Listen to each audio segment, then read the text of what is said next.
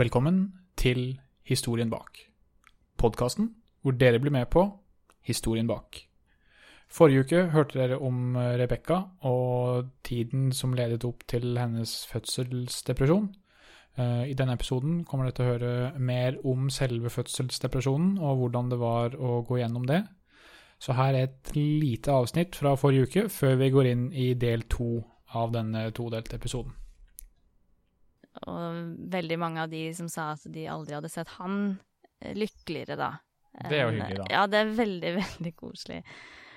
Så Nei, da, da slapp det, liksom. Og jeg har egentlig aldri vært redd for at han skal gå fra meg, eller For han har gjort meg så trygg, da, på at det er dette han vil. Mm.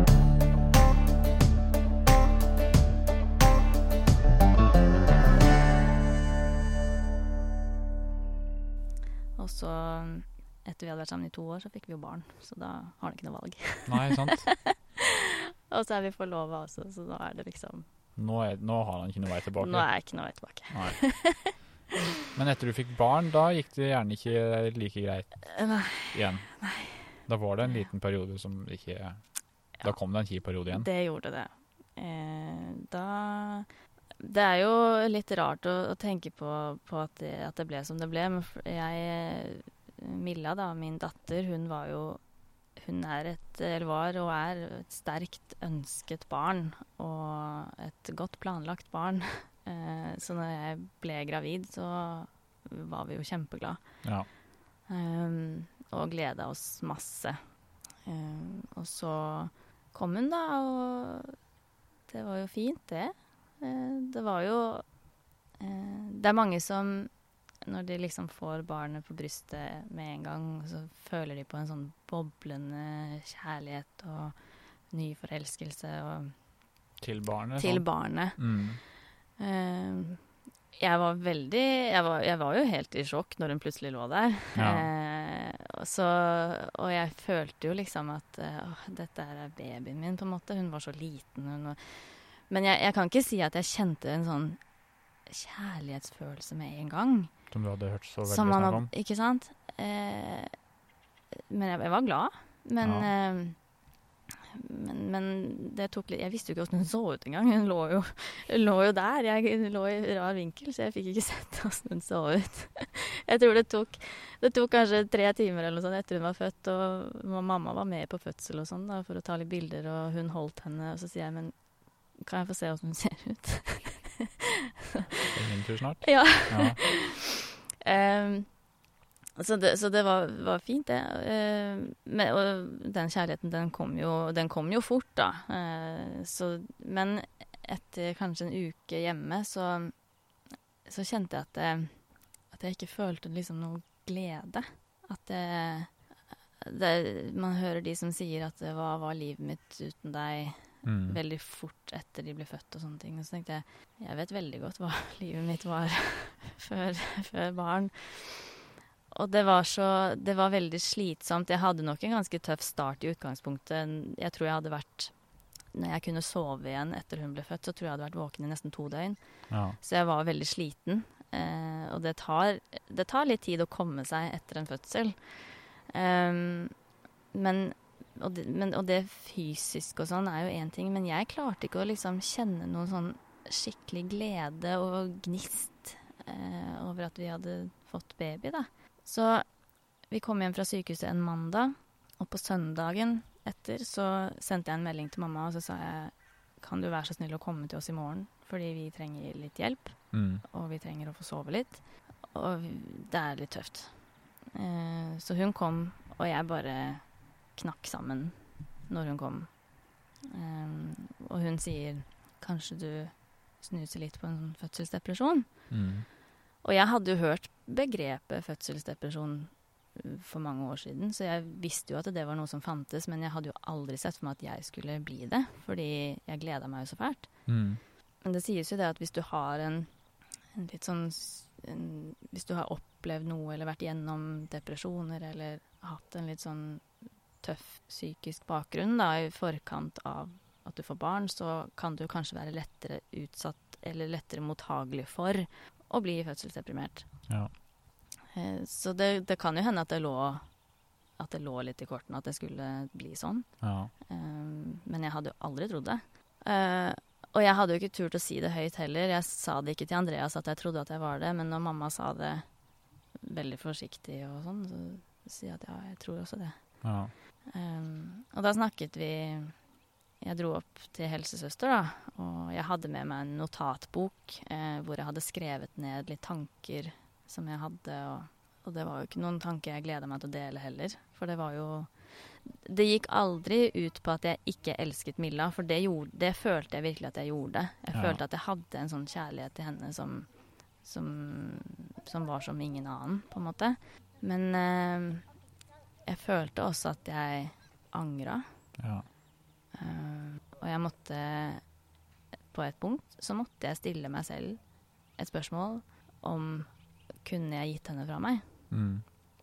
Bare for å kjenne hva det umiddelbare svaret var, og hva jeg liksom ville. ja. Og det første svaret var jo nei, hun er min. Ja. Det er ingen andre som skal ha henne.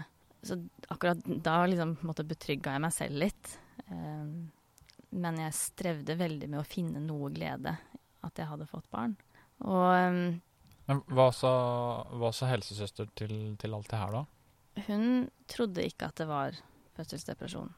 Eh, jeg husker ikke konkret hva hun sa, men jeg mener hun sa at jeg tror ikke det er det det er, men at, uh, at det er litt tøft, da. Ja, Og at det er tøft for mange uten at det trenger å være en depresjon. klart. Men eh, og, og da, når hun sa det, så ble jo jeg egentlig litt letta. Og Mm. tenkte at OK, nei, men da, da er det kanskje sånn det skal være, da. Eller at det er sånn det er, og at kanskje For det er ikke noe du har gått gjennom før? men det, Så du Nei, vet jo ikke det er hvordan har jo ingenting å sammenligne med. Nei, og alle er jo forskjellige, så Ikke sant?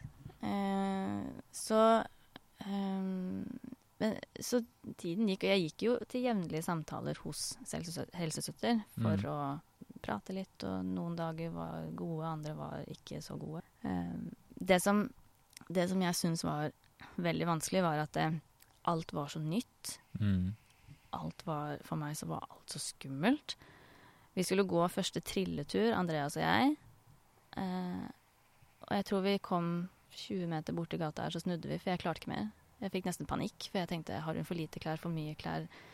Skal my myggnetting være på eller av? Får hun nok luft? Får hun lite Altså, det var Jeg, jeg var, eh, var Jeg syns det var så skummelt. Um, og eh, Andreas, da, han er jo veldig rolig. Um, ikke så bekymra. Men han, ikke engang han klarte liksom å på en måte roe meg, for jeg tenkte at det her er nytt for meg. Det er i hvert fall nytt for han. At det liksom, han kan ikke noe mer enn meg. Altså, Ja. det, at jeg ikke kanskje stolte på hans dømmekraft når det kom til hva som var riktig for babyer, da. no offense. Men um, Nei, så, så alt var Jeg syns alt var så skummelt, og samtidig så var det Det var så nytt og rart for meg at nå kom det en, et menneske inn i mitt liv som på en måte bestemte over min tid. Mm. 24 timer i døgnet. Um, og jeg sov jo ikke godt, og jeg spiste dårlig. Uh, og jeg husker når Andreas skulle begynne å jobbe igjen. Det var heldigvis en fredag, så han skulle bare være på jobb én dag, og så var det helg igjen. Ja. Men så fort han gikk ut døra, så knakk jeg sammen igjen. Og tenkte åssen skal jeg klare å være her alene med en baby hele dagen? Uh, så fikk jeg besøk av mamma, da, så det hjalp jo litt. og jeg må si at uh, uten mamma så Jeg vet ikke åssen Jeg hadde nok sikkert klart det på en eller annen måte, men hun var hos oss Jeg tror hun var hos oss nesten hver dag første halve året. Kanskje litt Ikke hver dag, da, men veldig ofte. Flere ganger i uka. ja.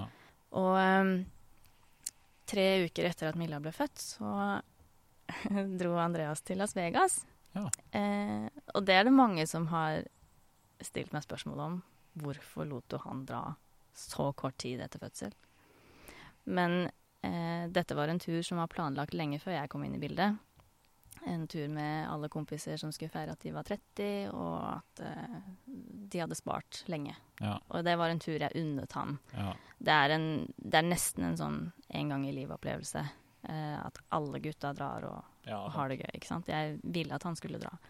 Og den uka han var borte, så bodde mamma hos meg. Ja. Og det var nesten bedre for meg å ha mamma der enn å ha Andreas der. Fordi nettopp fordi det var like nytt for meg som for han.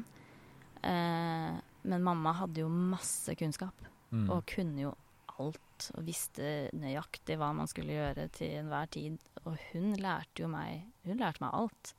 Hun lærte meg hvordan jeg skulle kle henne riktig, og vi tok kjøreturer, for det var jo selvfølgelig skummelt å kjøre med en baby. Vi trilla turer. Eh, altså hun, hun lærte meg så å si alt. Eh, Mm. hun ga meg gode råd og tips. Og det var bare en sånn ekstrem trygghet for meg at hun var der så mye som hun var.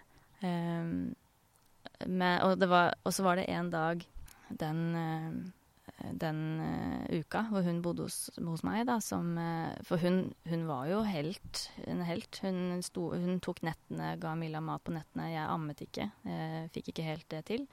Så hun fikk flaske. Så mamma hjalp til med det. Hun tok, sto opp om morgenene så jeg skulle få sove. Og så ville mamma sove litt på dagen en dag. Selvfølgelig. Eh, det skulle hun jo få gjøre. Og så hadde jeg eh, fått en sånn skikkelig kraftig urinveisinfeksjon som jeg gikk på noen medisiner for, Mm. som jeg ikke tålte. Så jeg fikk et svære utslett over hele kroppen. Så det var en dag hvor det var skikkelig ille. Og så sitter jeg i sofaen, mamma ligger og sover. Milla lå på sofaen og sov, eh, og jeg bare gråt. Mm. Gråt og gråt. Jeg så på Milla og tenkte her sitter jeg med det fineste jeg har sett, og jeg bare gråter. Jeg er bare lei meg. Du, du finner ikke noe Du får ikke den gleden du har Nei. hørt så mye om. Nei. Og jeg visste jo at mamma var hos meg, Mm. men at hun ikke var hos meg. hun sov jo. At hun var der, men ikke var der. Og jeg følte meg aleine igjen, da. Um, så når hun våkna og bare Hva er det for noe, da? Jeg bare vet ikke. Jeg bare Det kan hende at dette utslettet det var jo ekstremt vondt og, og ille nok. At det, Det kan, påvirka, men så det var nok flere faktorer. Men at jeg, at jeg likevel liksom ser på barnet mitt, da, og liksom ikke finner noen ordentlig glede i det. mm. Skikkelig vondt, faktisk. hvor, hvor lenge følte du det pågikk? Det var nok eh, det, det er jo klart, jeg had, hadde jo gode dager og dårlige dager. sånn at det var, var jo, det var jo dager hvor, jeg liksom, hvor det begynte å kile litt i magen. Og når jeg så på henne, så bare åh, Tenk at hun er min. Og at dette er mitt barn. Men, eh, så det var ikke sånn at hver dag så satt jeg og gråt. Nei. Men hver dag så hadde jeg stålkontroll på hva klokka var. For jeg Mm. visste akkurat når Andrea skulle komme hjem. Og på en måte telt, hva skal man si, telte ned timene til han Ja. kom hjem, fordi da var jeg ikke aleine lenger. Men jeg følte jo at etter hvert så, så klarte jeg jo mer og mer. Jeg dro jo jeg dro jo på senteret og handla litt og hadde henne med og var aleine eller var med noen venninner eller For det var jo flere jeg kjente som også hadde fått barn. Og, eh, og jeg klarte jo etter hvert å kjøre bil alene med henne. Eh, så ting, ting var jo ikke dårlig hele tiden. Eh, men så kom det til et punkt hvor eh, i, Hun ble født i august, og i januar så eh, fikk hun nyrebekkenbetennelse, så vi ble lagt inn på sykehus i tre dager. Mm. Og for meg så var det egentlig Det var egentlig litt sånn traumatisk at vårt første møte med sykdom ble sykehusinnleggelse. Altså så tidlig i Så tidlig. Hun var så liten, og hun fikk jo veldig god behandling, og vi var der bare i tre dager. Men allikevel, Men så likevel, da. Så det, det var en kjempepåkjenning for meg. Når jeg allerede var i en litt sånn sårbar situasjon, da. ja. Um, så så, så det, var, det var veldig vanskelig. Um, men det, det var jo ikke på en måte snakk om noe liv og død her, på en måte. da. Det var jo ikke det. Ehm, men vi har slitt, eller Milla da, stakkars, har hatt mange urinveisinfeksjoner etter det. Mm. Så hver gang hun blir syk, så blir jeg veldig redd. Ja. Fordi jeg er redd for at det blir sykehus igjen. Ja. Og så vet jo jeg at når vi var på sykehus, så var jo det det beste for Milla. For hun fikk jo den behandlingen hun trengte. Men å se at når hun blir vekt på morgenen med å skulle ta blodprøver eh, og bli stukket i Hun slutta å spise, så hun fikk mat gjennom sonde. Mm. For de som ikke vet hva det er, det er bare en, en tynn, tynn slange ned nesa og ned i magen. Og liksom se ledninger på henne. Og Det var helt grusomt. Ja, det kan jeg se for meg. Så, eh, så Så jeg var Altså, jeg er ikke redd for det nå lenger, for nå er vi på et helt annet sted i akkurat den situasjonen. Men at, eh, at eh, de gangene når hun var så liten, når hun ble syk, så ble jeg kjemperedd. Jeg, jeg ringte jo rett til sykehuset når hun ble syk. Ja. Eh, selv om vi hadde vært hos legen, vi hadde begynt på medisiner. Vi hadde, men jeg ringte jo til sykehus, for jeg var fortsatt kjemperedd. Det de sa, at vi gjør ikke noe mer her enn hva du gjør hjemme nå, Nei. med å gi henne behandling. Eh, så du kan ta det med ro. Mm. Det går bra. Og det gikk jo fint. Men vi er jo fortsatt ikke ferdig med sykehus. Vi er, eh, vi er fortsatt i, på, på undersøkelser for å følge med at ting fungerer som det skal i nyren hennes, da. Mm. Men jeg er ikke like redd nå lenger. Men eh, Men det var en, det var en veldig, en sånn veldig påkjenning for meg. Så de månedene, eller den uken egentlig, etter det sykehus, sykehusoppholdet, det, de var ganske tøffe. Mm. Eh, når vi kom hjem fra sykehuset, så ville ikke jeg at Andreas skulle dra på jobb dagen etter. Han måtte være hjemme med oss. Ja. Bare sånn at vi fikk en dag til for å se at hun, hun var frisk, eller var på bedringens vei. Så han gjorde jo det. Men så skjedde det noe i februar.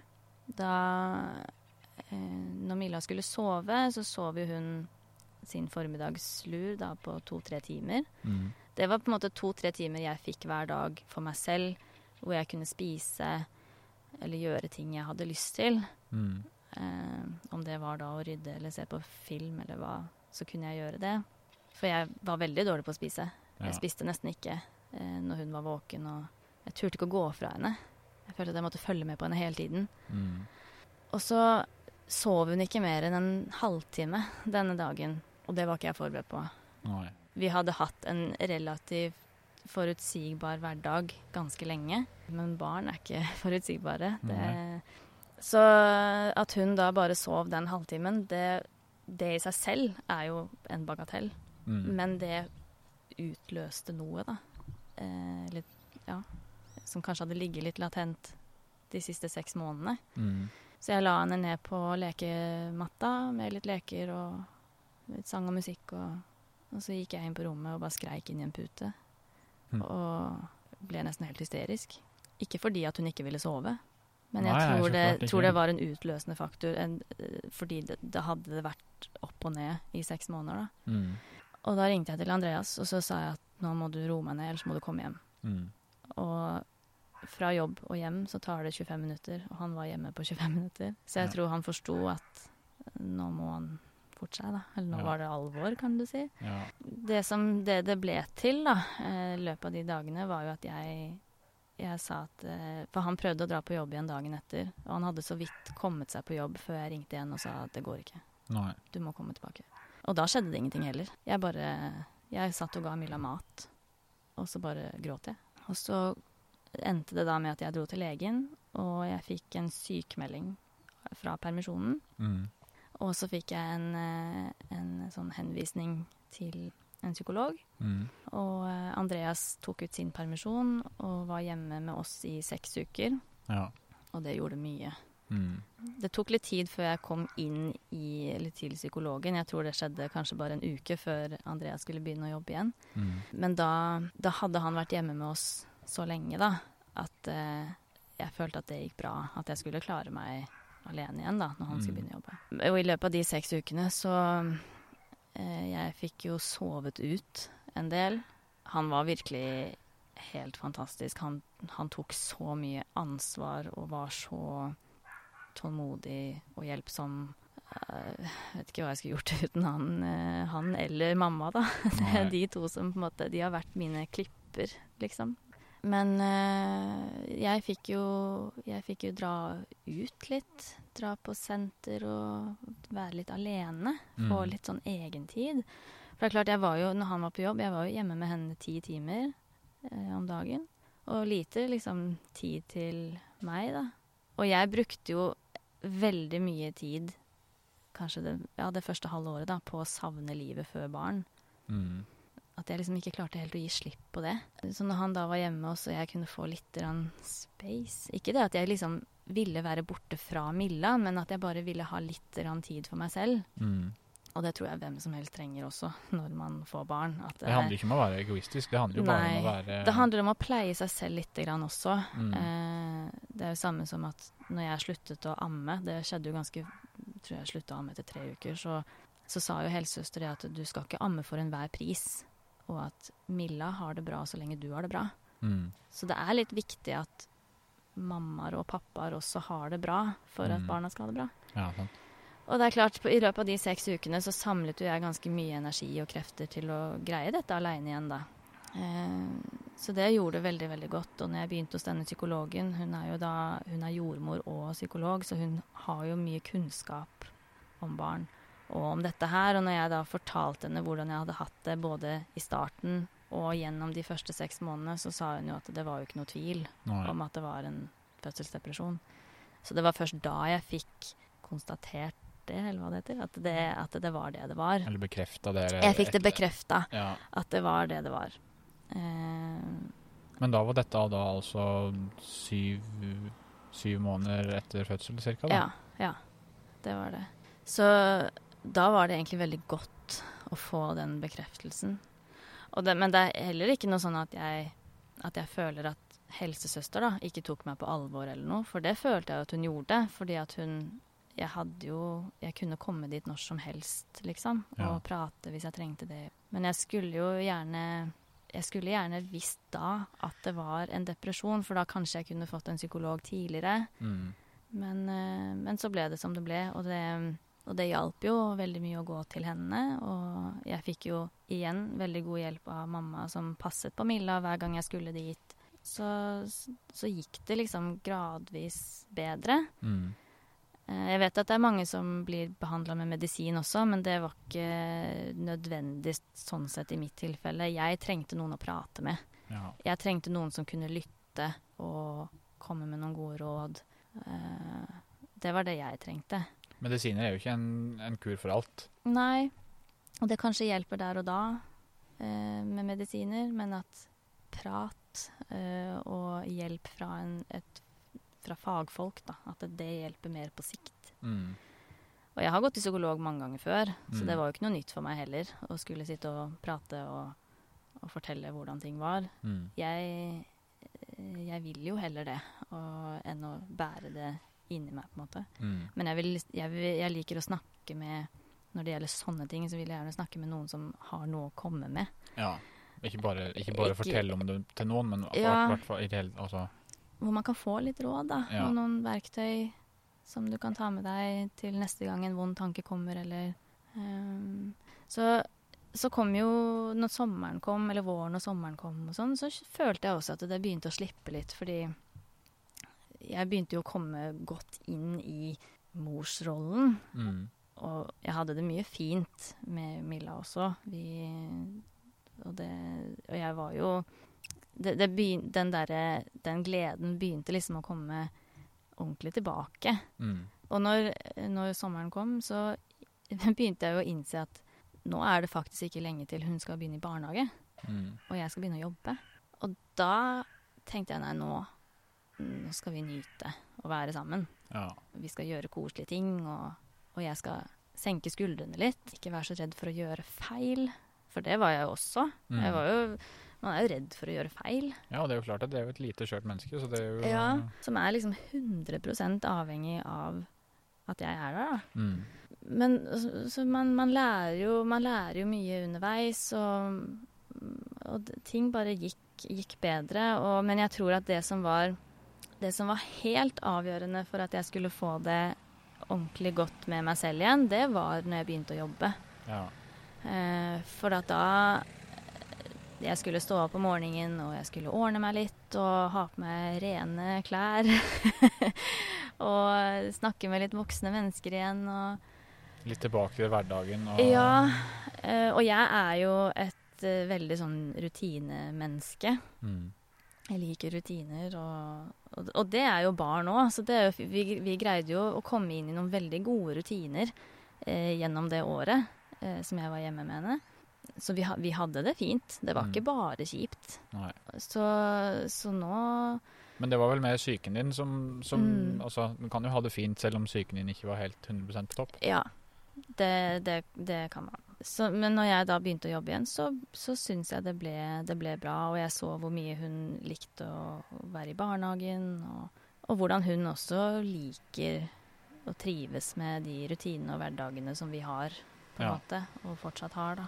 Så nå er det jo Det er jo Jeg tror egentlig at de veldig mye av de første to månedene av livet hennes Mm. er litt sånn borte for meg. Ja. Eh, jeg vet at jeg har sittet i sofaen og ammet henne, og i senga, men jeg husker det ikke. Nei. Eh, det jeg husker, er at jeg satt en natt på Hun skulle ha mat, og jeg satt og mata henne. Og så hadde vi en liten glippe i gardina så jeg kunne se ut.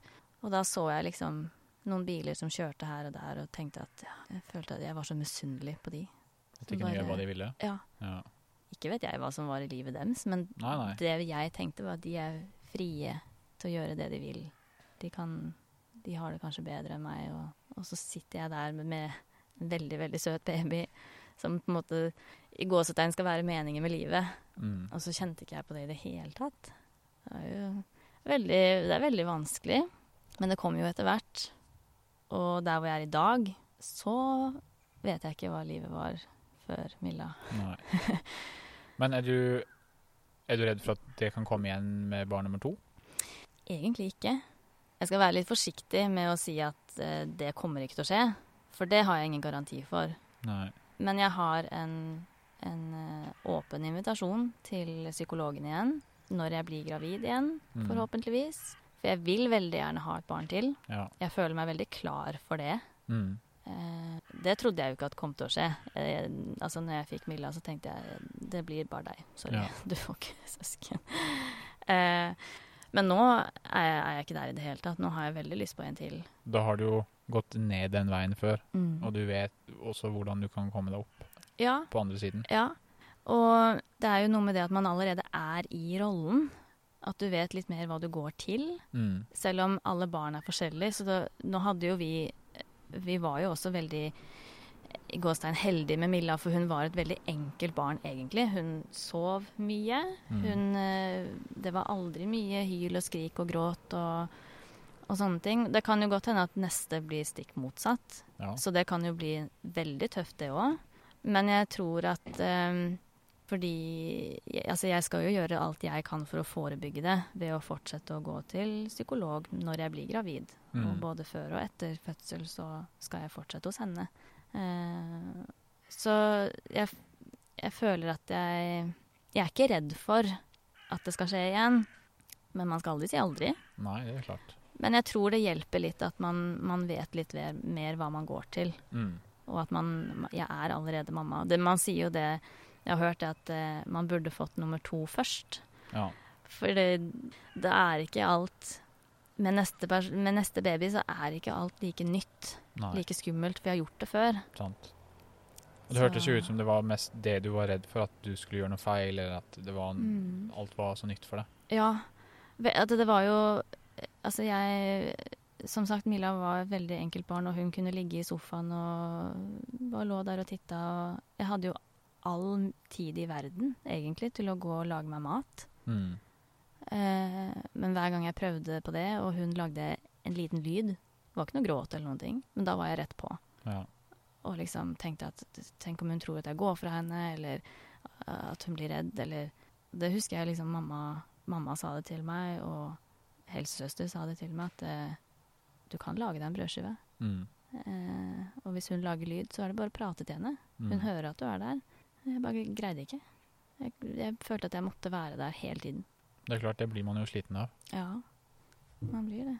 Ehm, og så kan dagene bli litt sånn eh, ensomme, da. Mm. Fordi at eh, det er jo ikke noe toveiskommunikasjon med en baby.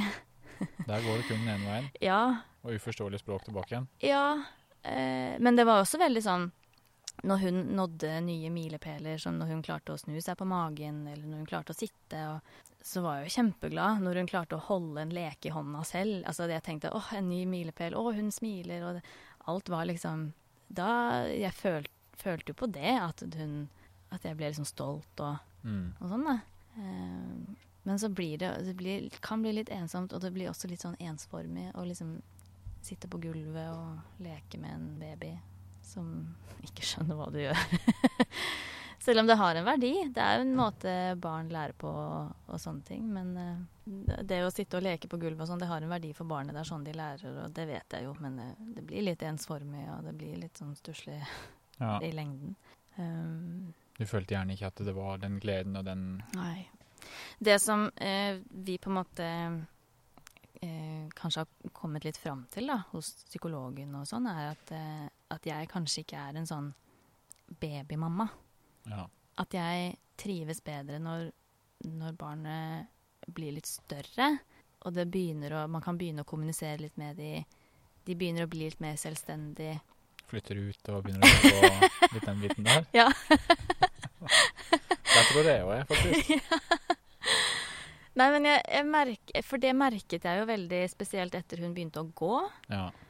Ehm, og begynte å liksom klare seg litt mer selv. Fortsatt helt avhengig av meg, Jo, jo. selvfølgelig. Selvfølgelig. Men, Men at- nå, men nå at- er det et, mer et lite menneske Ja, istedenfor en At det er et baby. barn Ja. og ikke en baby, det, det tror jeg gjorde en forskjell for meg, på en måte. For, og det, og det jeg, tror det er, jeg tror det er flere som føler litt på det at de kanskje ikke er en sånn babymamma. Mm. At den, den, den tiden der går litt sånn trått. ja. Eh, sånn at og, og, og det bør jo være lov å si, fordi det handler jo fortsatt ikke Det handler aldri om, og vil aldri handle om, at man ikke elsker barnet sitt uansett. Man er jo ikke en dårlig foresatt for det om ting er, Altså, ja. Nei, det er akkurat det. Jeg tror For jeg kjente nok litt på det at eh, Hvorfor trives ikke jeg i dette her?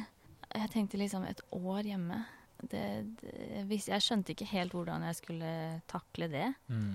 Men det ble jo lettere etter hvert, da. Men, eh, men at eh, Jeg har, har også noen jeg kjenner som har også sagt det. At eh, de tror heller ikke de er noen sånn babymamma. At de trives bedre når barna blir større. Det går an å Sånn som nå, når Milla, språket til Milla begynner å komme, og det er så lett for oss å forstå hva hun vil. Hun Mm. forstår hva vi sier.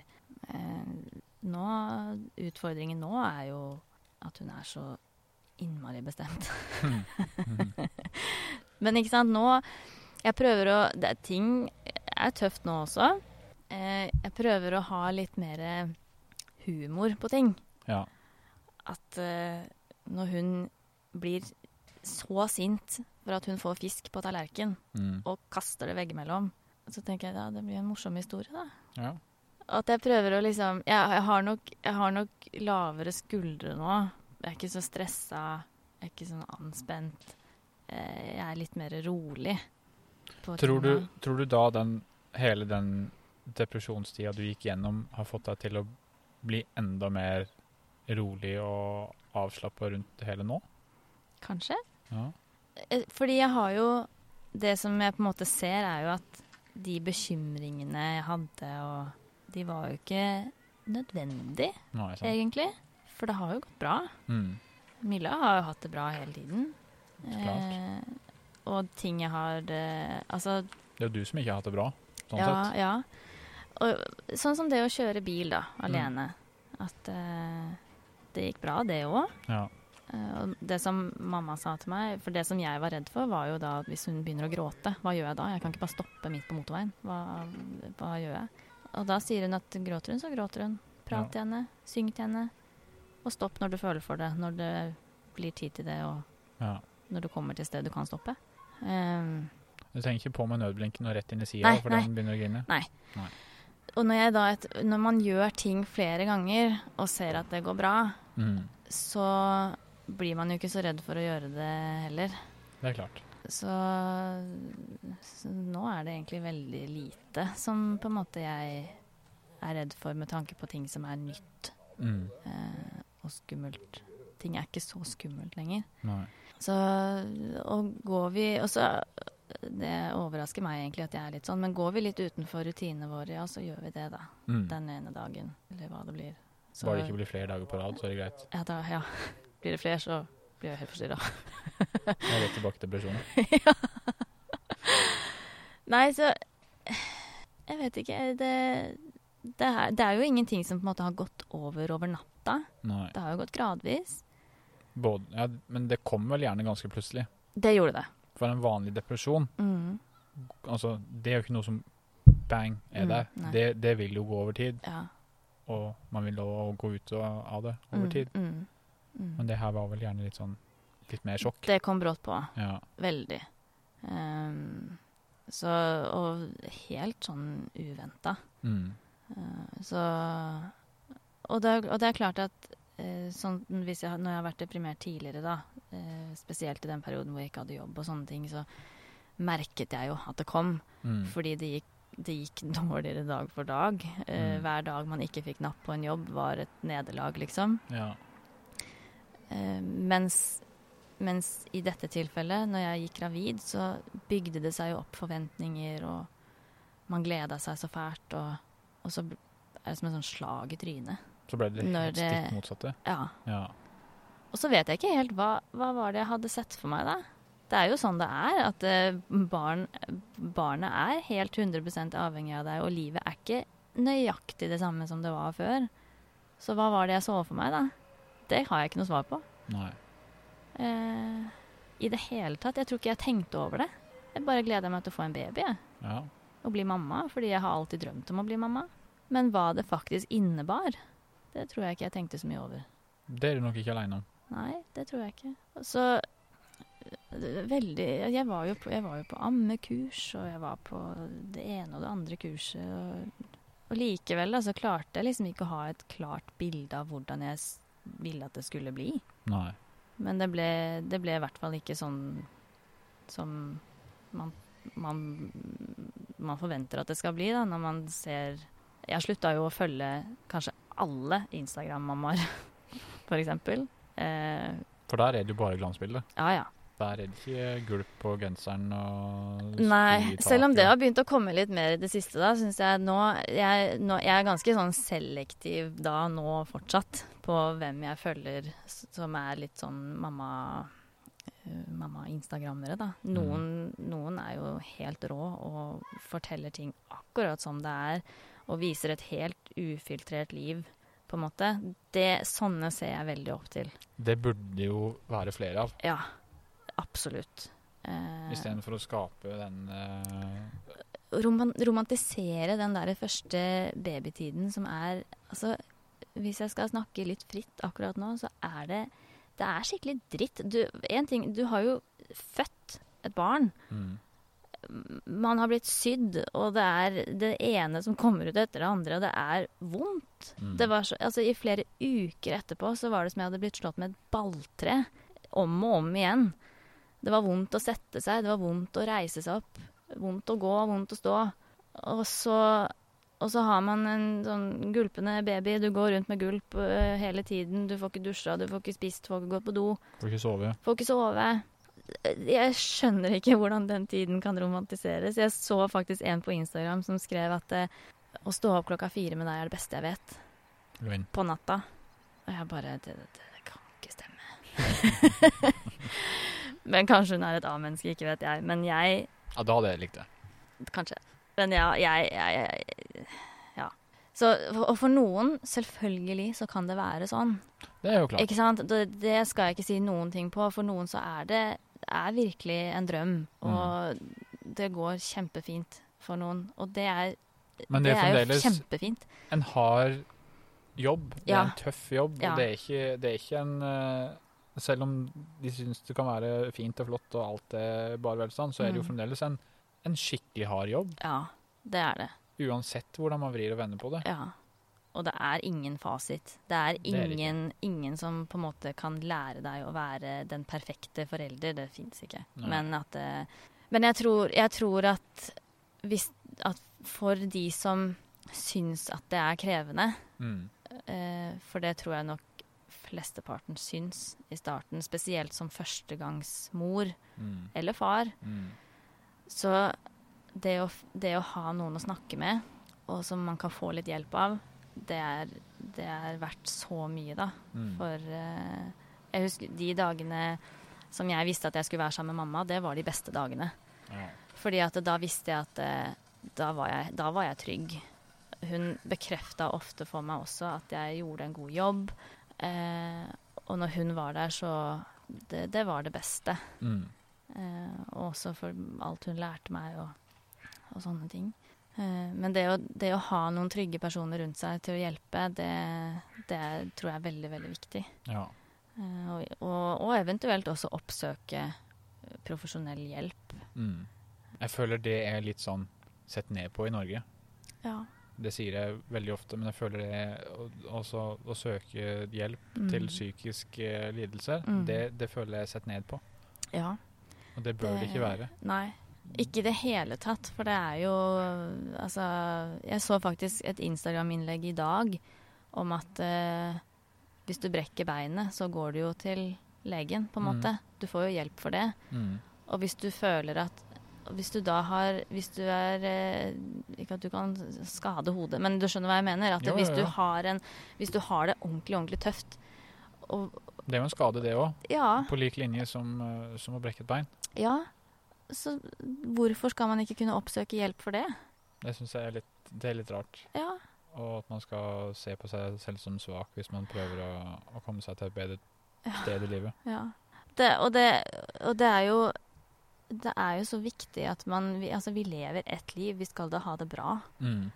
Og da gjør man, da gjør man det man trenger for å få det bra.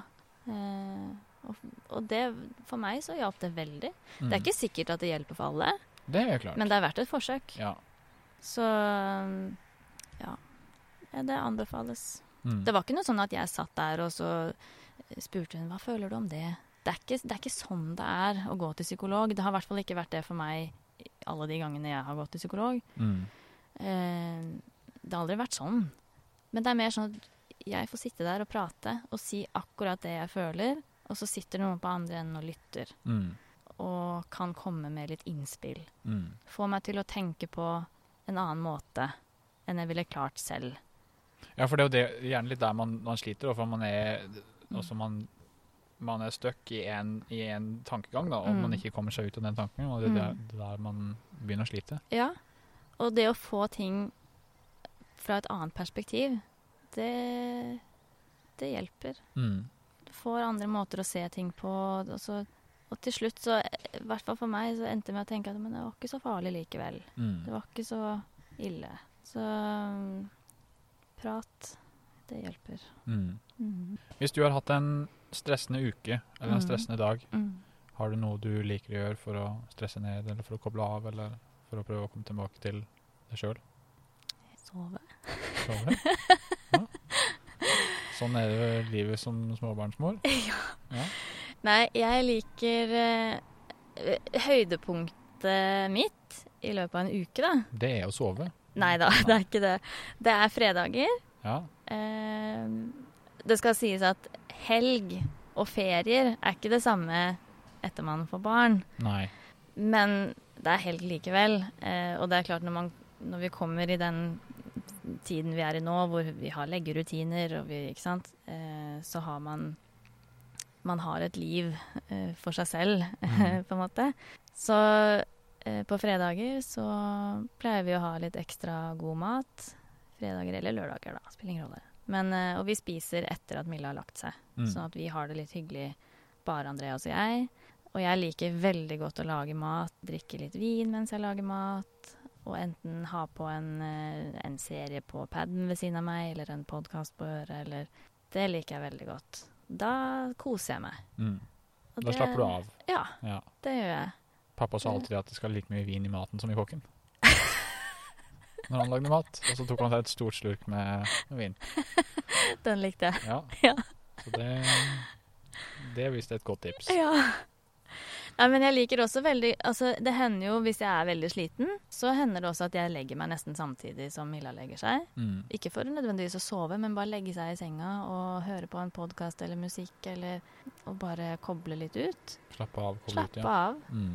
Og jeg har blitt uh, uh, det skal, Jeg har alltid vært flink på å slappe av, Mhm. egentlig. -hmm. Uh, men de siste, siste, eller første året til Milla, så var det nok litt mindre av det. Men at jeg har blitt flinkere igjen, da, Ja.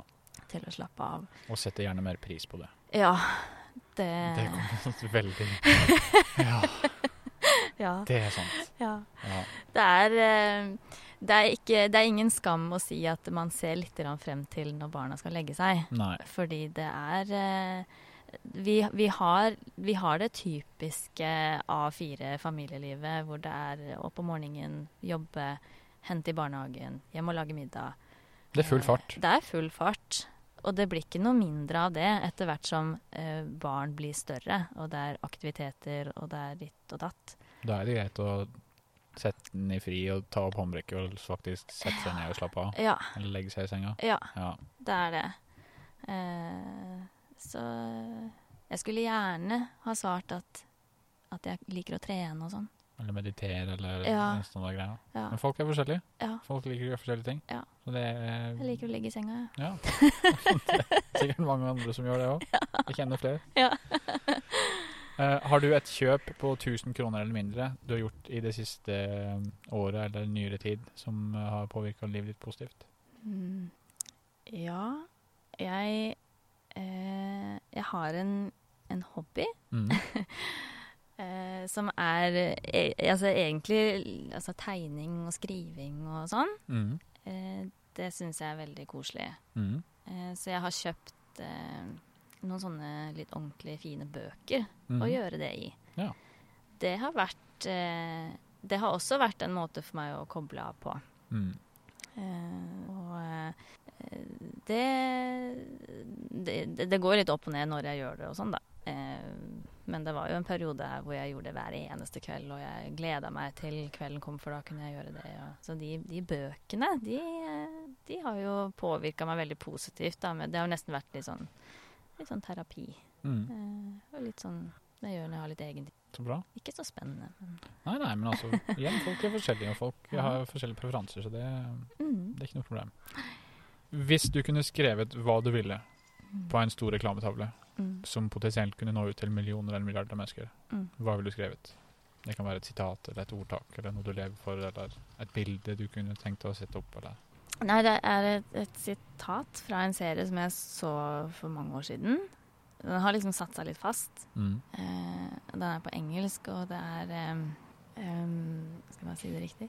Uh, happiness is not a destination, it's a feeling. Mhm. Og det, det syns jeg er litt fint, fordi eh, målet skal liksom ikke være å være lykkelig i alle sine dager. For en, en lykke er liksom en følelse som kommer og går. Mm. Og at, eh, at man ikke skal strebe etter å finne den, men at når den kommer, hva det måtte være av, at man tar litt vare på den, på den følelsen og kjenner at det kribler litt i magen, eller tar litt vare på den og vite at det er greit at det går over. Mm. Ingen kan være lykkelig hele tiden, Det er umulig. ikke sant? Sånn er det bare. Så hvis, hvis, man, hvis man tenker litt på det, da, at det er, det er lov og det er naturlig at en lykkefølelse kommer og går, så kanskje man, kanskje man greier å ta vare på de øyeblikkene nok til at man kjenner seg lykkelig litt oftere. Mm. Um, for det har jo vært det har vært noe som jeg på en måte har jaget etter, egentlig, eh, gjennom, gjennom tidene. Nettopp med det at, at eh, når noe bra har skjedd, så har noe dårlig skjedd rett etterpå. Mm. Eh, at jeg, men at At du har forbundet liksom en god ting med en, en dårlig ting som kommer Ja. rett etterpå. Ja. Og derfor så har jeg liksom jaget etter det der å skulle være lykkelig, føle meg lykkelig. Og, men at den, den ordentlige lykkefølelsen hvor det kribler i magen og alt er liksom solskinn, den, den kan ikke være konstant, da. Den går opp og ned. ja, og da vil det ikke Du kan jo ikke krible i magen hele tida. Og da ville det vært kjedelig. Ja, Hvis man ikke har en nedtur, så setter man ikke pris på en opptur. ikke sant? Så, Så det er, det er noe med det at eh, liksom ta vare på de øyeblikkene som gjør deg godt, og, og da kanskje du føler det litt oftere også. men samtidig være takknemlig for de kjipe tidene. Ja, Mm. for det kommer noe godt ut av det òg. Man lærer jo. Så klart. Eh, forhåpentligvis da, at så Ja. kommer det noe godt ut av det. Mm. Eh, så ja. Jeg tror man kan gjøre de fleste dårlige opplevelser til noe positivt. Mm. Hvis man bare går inn for å Ja, og hvis man, hvis man vil det, hvis man vil ha en vei ut, på en Mm. måte, så, så tror jeg at man greier det. mm, Helt klart. Ja. Takk for at du ville dele din historie. Takk for at jeg fikk gjøre det. Mm. Så får du ha en fin dag videre. Takk det samme. Og til alle der ute som har valgt å høre på denne podkasten, takk for at dere har gjort nettopp det. Legg gjerne igjen en stjernerangering eller en anmeldelse på Apple Podcast. Følg med på Facebook på Historien bak, eller Instagram på Historien bak podkast i ett ord. Hvis du kjenner noen som har en historie som bør deles, send gjerne en mail til gjest, alfakrøll, historienbak.no. Så ønsker jeg alle sammen en riktig fin dag.